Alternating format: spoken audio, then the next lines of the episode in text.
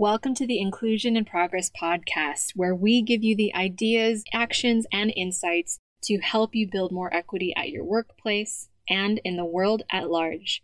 I'm your host, Kay Fabella, international expert on diversity, equity, and inclusion, a Filipino American living in Spain, and your guide in navigating this DEI journey.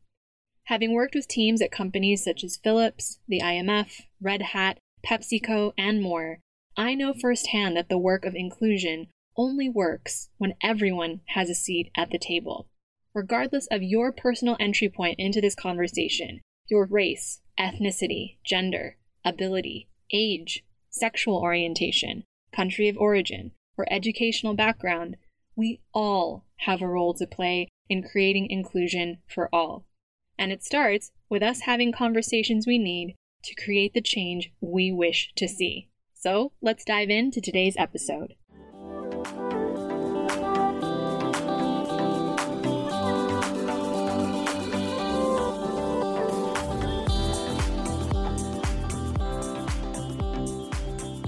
Hello, hello. Welcome back to the show. So, this episode is coming out on Thanksgiving weekend, which is still one of my favorite holidays from the United States. And as a first generation daughter of immigrants who now calls Spain home, the I would say one of the few American traditions that I can celebrate that I still really enjoy and one that I share with my Spanish husband, my in laws. In fact, the time this episode's going out, we're going to be celebrating outside of Madrid and getting some fresh air, getting out in nature. I will be taking another stab at making the proverbial turkey. I'm excited for this episode to be coming out. And whether or not you celebrate this holiday, because of obviously the historical implications, I really wanted to, in the spirit of what I believe the holiday to be or what I choose to define the holiday as, which is giving thanks, I want to express incredible gratitude to you as the listeners, as the people who continue to support me in this business growth. It really is not lost on me how many different things we have competing for our time and attention as we come to the end of this year and this very long and challenging season. But I am super grateful for you if you are listening to this and taking time to tune in. So, exciting news. I know I've been hyping it up for a while, but we've moved away officially from Kay Fabella Consulting, where I was operating as a solo consultant, to Inclusion in Progress LLC. So you can now see our brand new website at inclusioninprogress.com. I'm so pleased with the incredible work that's gone into it. It really did take a village, y'all. We had everybody from obviously our trusted brand designer to the web development team to the photographers to pretty much all of the the experts that I hired to to make this home the best it can be as we start creating this digital space for our work in inclusion and progress moving forward and officially unveil ourselves to the world as the team. So be sure to check that out. You can head to the link in the show notes to not just take a look at our new home, but also download our newest 2021 white paper on the future of work culture, which is packed with our latest insights on how remote work, demographic and cultural shifts, and of course, distributed teams, whatever version of hybrid work or remote first that you're navigating, will affect your future workforce. So, if you'd like to grab a copy, please head to the link in the show notes to subscribe to our newsletter and grab your copy now. And of course, check out the website and let us know what you think. We've packed this latest edition of our white paper, of course, with our observations, predictions, and recommendations for where DEI or diversity, equity, and inclusion will need to evolve next year, especially within tech, based on our ongoing partnerships with clients like Red Hat, Instagram, Jamf, and more. So if you are a DEI or inclusion minded leader, that's looking for up to date insights on how to navigate the future of work based off of what we've been seeing from a global perspective, head to the link in the show notes of this episode to receive your copy of our 2021 white paper. So, let's dive right into the episode, which is all about the future of work culture for multicultural teams. Now, obviously, we'll be diving into this for quite some time here on the podcast. But really, one of the things that continues to strike me as we dive deeper into DEI and cross cultural work for teams is how much culture and our cultural lenses shape how each of us see the world and will continue to shape how our teams interact as they grow in complexity and identity and geographic location, etc., moving forward. And it's really interesting to me because regardless of who I'm speaking to, whether or not they are a DEI leader or somebody who is beginning their diversity, equity, and inclusion journey, there still continues to be this narrative around how that complexity, because of the shifting demographics on our teams, is going to be an either or choice for organizations around whether or not that complexity of identity that's going to be present on teams moving forward is actually going to be a greater obstacle than something that actually benefits organizations. And I think that's a very dangerous binary for us to continue perpetuating because ultimately, difference is strength. Different perspectives at the table, and I often say this to my clients in our trainings, is imagine everybody has essentially horse blinders on. I can't see my hands doing this because obviously it's a podcast, but imagine you have horse blinders on, and that is the lens through which you see the world. Now, if you shift your lens, your fixed view of the world, even a few degrees one way or the other, that already changes your perspective. Now, imagine somebody comes in with their own lens, their horse blinders, you know, putting my hands next to my eyes to mimic that gesture here. And each of those perspectives then somehow continues to add and challenge and change how you see things so that you eventually gain a 360 view of whatever problem that is in front of you. And that's ultimately what we're hoping to discuss here, which is the fact that each of those different layers, ultimately the cultural lenses that we each bring to how we interact on our teams, and of course, as we move into organizations, is actually the strength that organizations need to navigate the even greater complex challenges that we continue to face as the pandemic wears on. So, a year and a half after this pandemic has upended our workplaces, we've only begun to ask ourselves what the future of work will be. And of course, it's continuing to evolve in real time before us. We saw our work interactions move out of physical office environments to virtual ones. And so, employees and managers and leaders at all levels were all asked to reimagine the future of organizations together. Questions we heard often were things like What does productivity mean? While we juggle household responsibilities and homeschooling and different levels of burnout? What does performance mean when we face racial injustice and challenges to our mental and physical health? What does company culture mean? While we no longer engage with colleagues in person and when most of our interactions are actually now through screens with team members who are distributed across the globe. More importantly, what does work mean to each of us when we've all been reminded of how fleeting life can be? All of these are just a few of the questions that we've heard as we've spoken to our client partners and, of course, employees that we've surveyed in different tech companies around the world who are all facing now this new challenge, of course, which is what we know as the Great Reshuffling.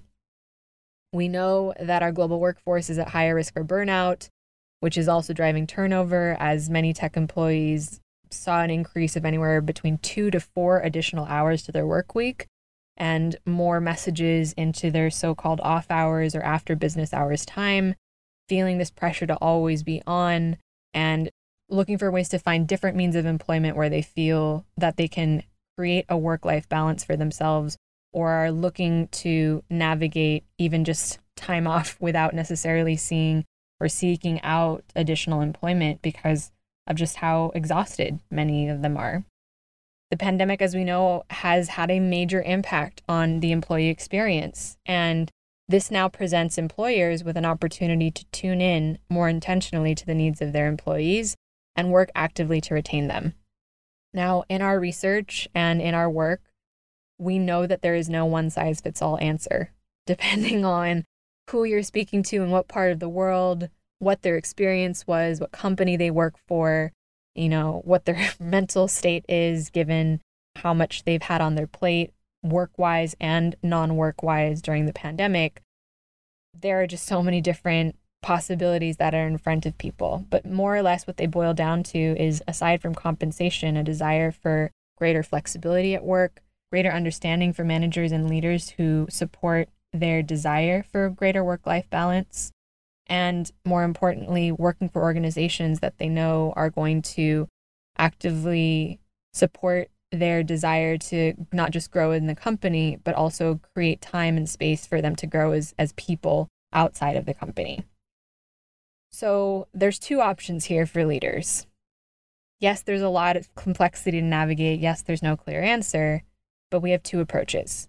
Either leaders can resign themselves to the great resignation and attempt to strong arm their way back to a pre pandemic normal, as we've seen in some organizations we've worked with, or leaders can reimagine this next normal, see this great resignation as a great reimagination exercise through the lens of possibility and equity for their employees. And it's our view that the latter, those who choose to approach it with a, a constant iterative mindset, drawing from the very same mindset that tech prides itself on when it comes to innovation for their own products and services, can also be applied to the very same people who have powered through the pandemic and supported tech's continued growth. So, in our white paper, we dive into the future of work culture for multicultural teams from the different angles that we've seen during the pandemic. And of course, you can see those different expectations in the full list if you download the white paper at our website at the link in the show notes. But today we're going to dive into the three key ones that we've seen across our different client partners, as well as the teams that we have worked with or collaborated with, so that you have an opportunity to, as you come to the end of the year, as you're reimagining what does your future work culture look like, you have extra insights from a global perspective to help empower you to have those conversations and create workplaces that work for all of us. So let's dive in. So it should come as no surprise that the first employee shift in expectations for multicultural teams is around whether or not their employers are committed to diversity and inclusion. Now, we already discussed this more in our previous episode with Gen Z as the most ethnically and racially diverse generation, inviting us to reimagine our workforce and talent retention strategies.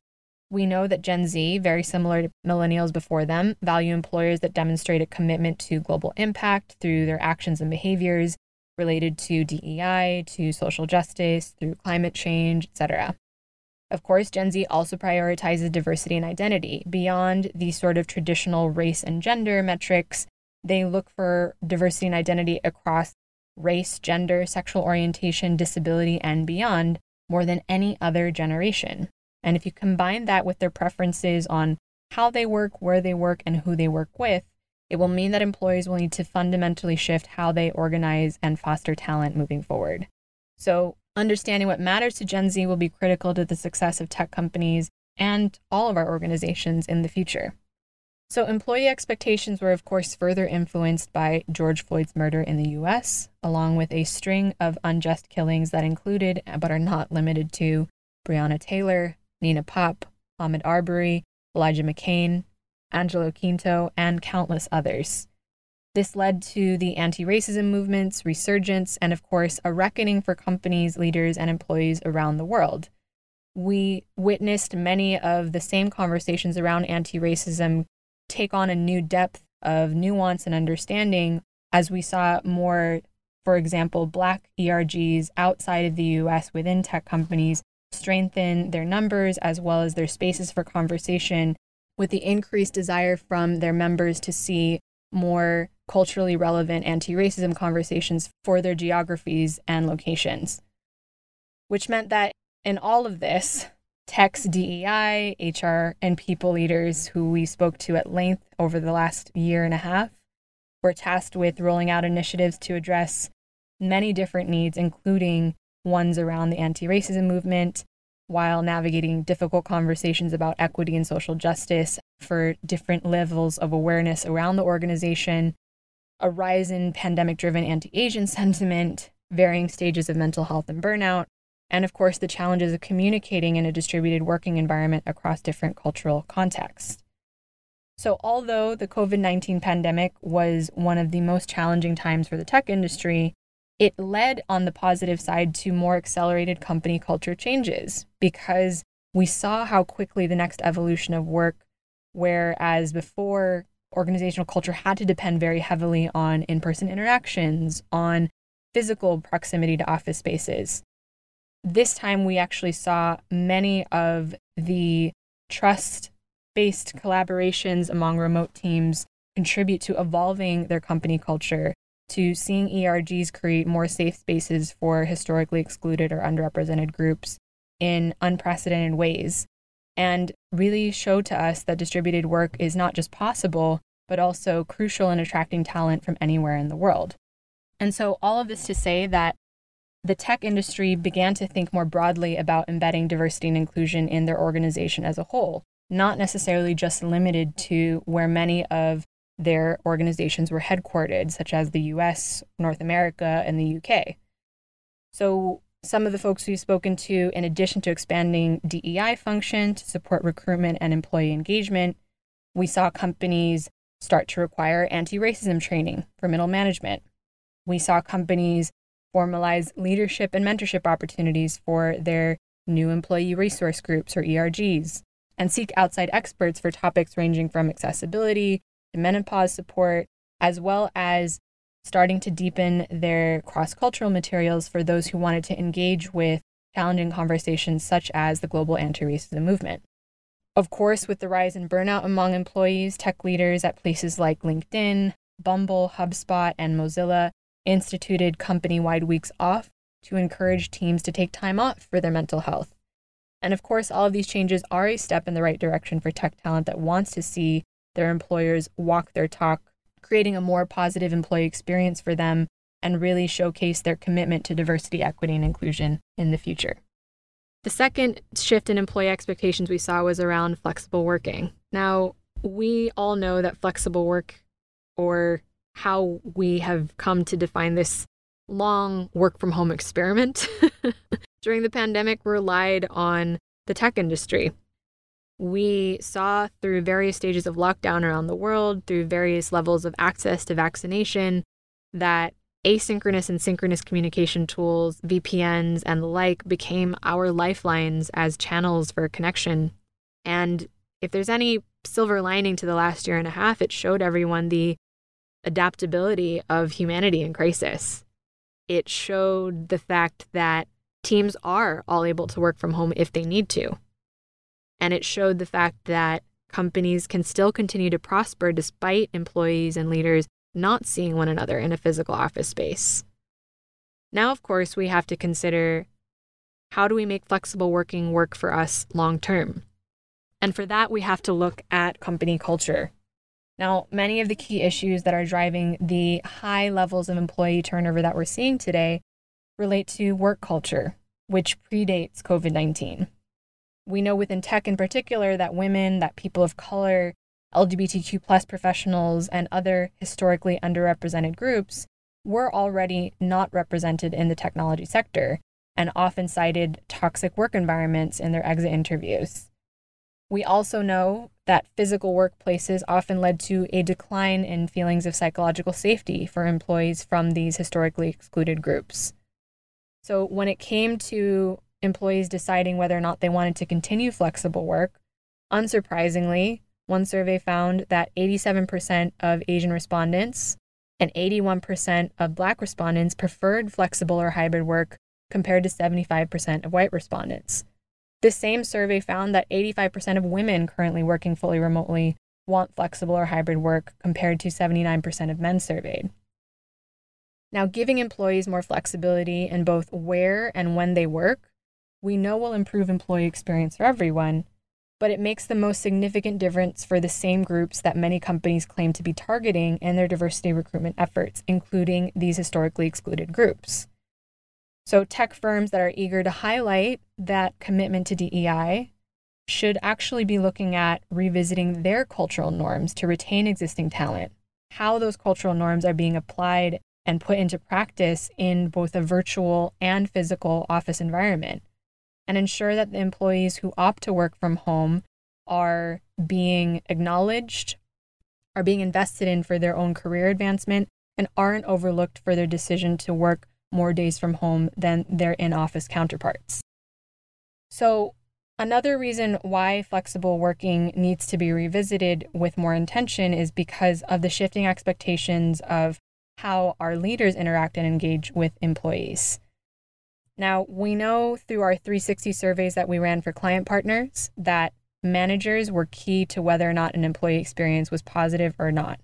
We found that when middle managers were more understanding, when they were more agile and empathetic to their teams while leading them remotely, there was a direct correlation to whether or not their employees decided to stay at the organization. And this is going to be even more important moving forward because we've noticed that tech organizations and other companies who are opting for fully remote or remote first are now providing their managers greater decision making or autonomy to lead their distributed teams how they want, which means that the impact of an employee's experience and whether or not they stay at a company will depend directly on their line manager or middle manager than before.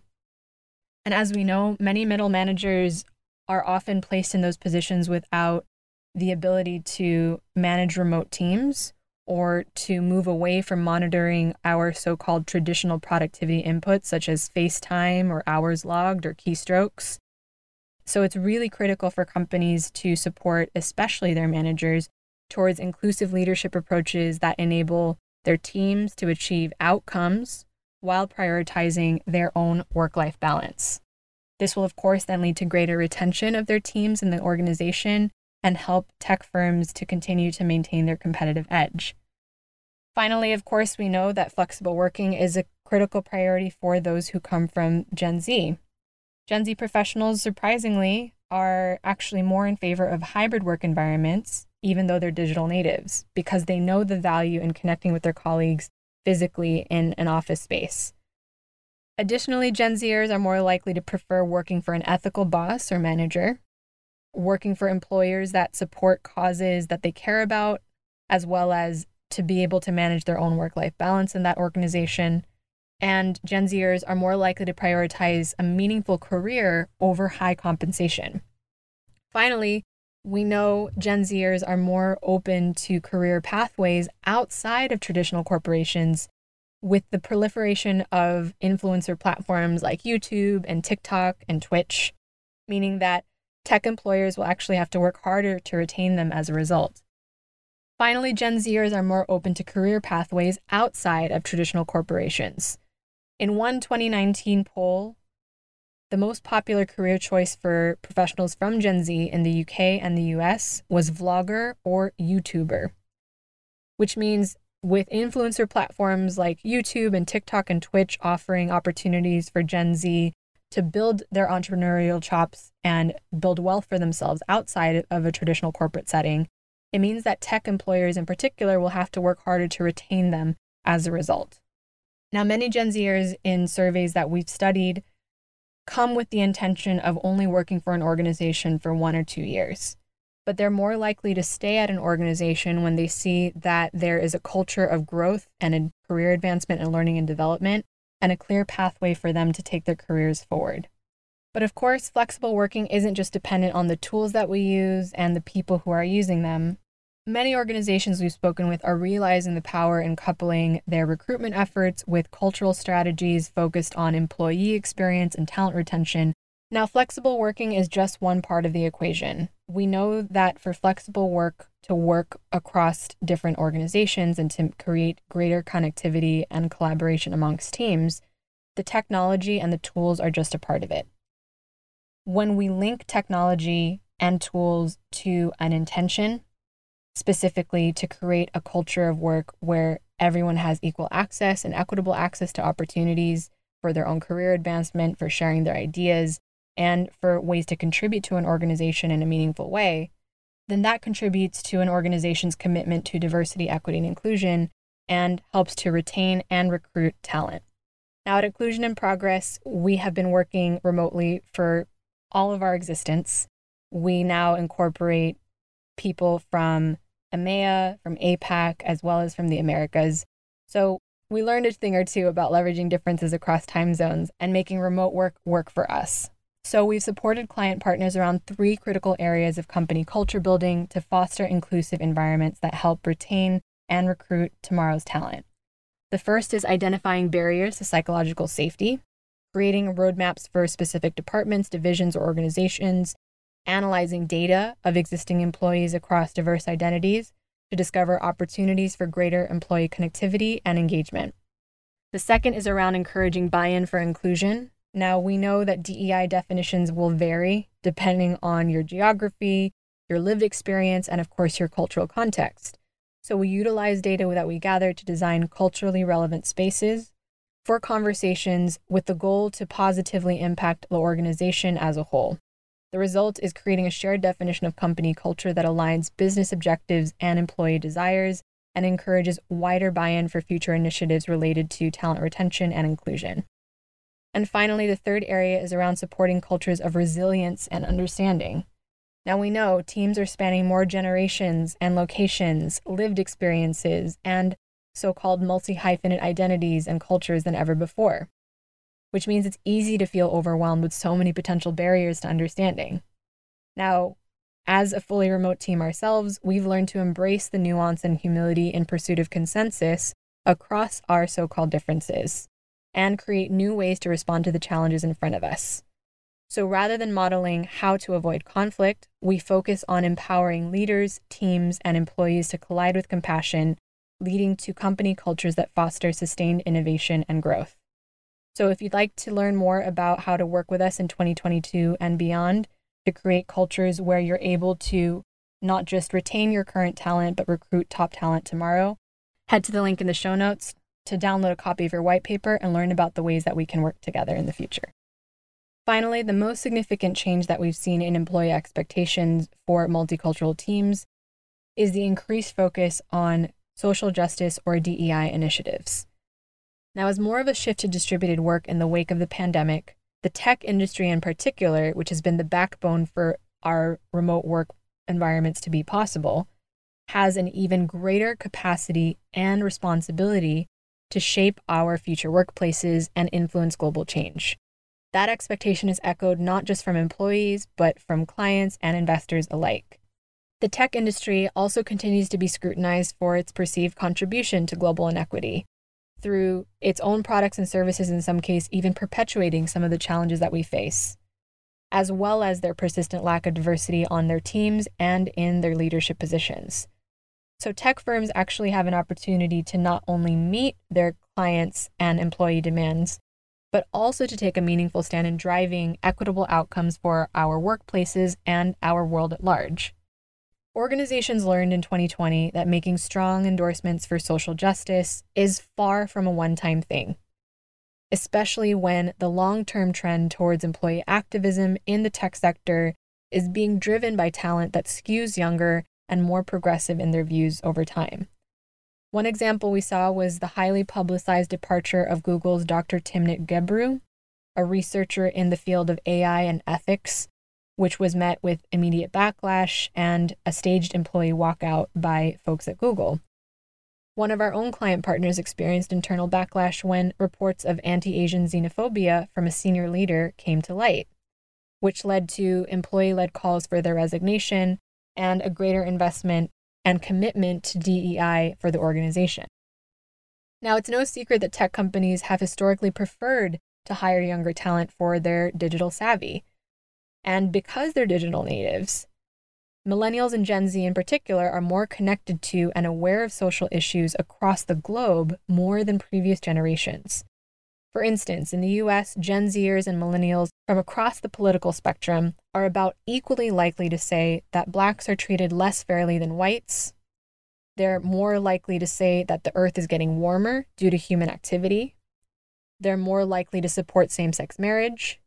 And they're more likely than those in older generations to say that they personally know someone who prefers to go by gender neutral pronouns. We've also seen that there's growing awareness of social issues across the globe, which include global climate change, the spread of infectious diseases, concerns around terrorism, cyber attacks from other countries, the condition of the global economy, global poverty, and long-standing conflicts between countries or ethnic groups. This will, of course, shape global talent's expectations of employers who increasingly feel marginalized or pushed aside in conversations that tend to skew in favor of US or UK based news around diversity, equity, and inclusion. So, if tech companies follow through on their commitments they've made towards social impact, they can expect a positive reaction from their consumers, loyalty from employees who are happy to see their employer walk their talk, and of course, a reputation that strengthens their ability to attract future talent. Which is why at Inclusion in Progress, we've supported tech leaders with aligning their DEI initiatives with employees and stakeholder demands for social impact, deepening their own awareness of DEI issues facing their teams across the globe, and effectively communicating their commitments internally and externally to ensure the future growth of their organizations. So, there you have it. Those are the three very short, summarized key expectations that we've seen for companies in the future of work culture on multicultural teams. And of course, you can download the full white paper at the link in the show notes to check out the longer list. And of course, dive into our latest insights on how DEI will need to evolve in the tech industry in 2022 with the shift to multicultural teams in mind. Now, as we said earlier on the podcast, there are two choices for leaders and organizations as we move into a new year and as we look back on the lessons of the pandemic and decide what we want to do in the future of work. We can either try to force our way back to a pre pandemic normal, or we can embrace the lessons that we've learned, take an iterative approach to listening to what our teams want, and incorporate that into our evolution as talent becomes more complex in their identities and their desires for fairness and equity and access for all. So, whether it's remote or hybrid or whatever your organization is deciding for your future workforce, if you don't have a multicultural workforce already, eventually you will. And the people who are coming in the door will be less inclined to expect a company culture that is imposed top down, that expects them to leave part of who they are at the door, and expects them to quote unquote fall in line, especially newer employees from multicultural and historically excluded groups who are prouder than ever about the nuances in their experiences and lived identities and expect their employers to do the same. The only way to set the foundation for inclusion in your company culture, to sustain your ability to continue to innovate and create products and services that change the world while retaining today's and tomorrow's top talent, depends on you partnering with the right people. Leveraging our global experience as a distributed multicultural team ourselves is critical in helping you navigate the future of work for multicultural teams. So, no matter where your organization is on your DEI journey, what your different teams across the globe need, and looking for ways to support your people across different stages of flexible or hybrid work, no matter where they come from, we're happy to partner with you in 2022 and beyond. Now, we're currently working with global organizations like Red Hat, Instagram, Jamf, Listrak, and more. And we only take on 10 client partners per year because we believe in partnering with organizations for the long haul to really get to know the nuances that each of your teams need in the future of work. So, if you'd like to learn more about our cross cultural DEI services, our remote culture building services, as well as continue to gain our latest insights on the future of work for multicultural teams, head to the link in the show notes to download your copy of our white paper and join our newsletter and learn more about our services and ways we can support you in 2022 and beyond. So, as always, thank you so much for listening to Inclusion in Progress. Excited to finally share the rebrand with you. So, check out our digital home and let us know what you think. And I look forward to seeing you on our next episode.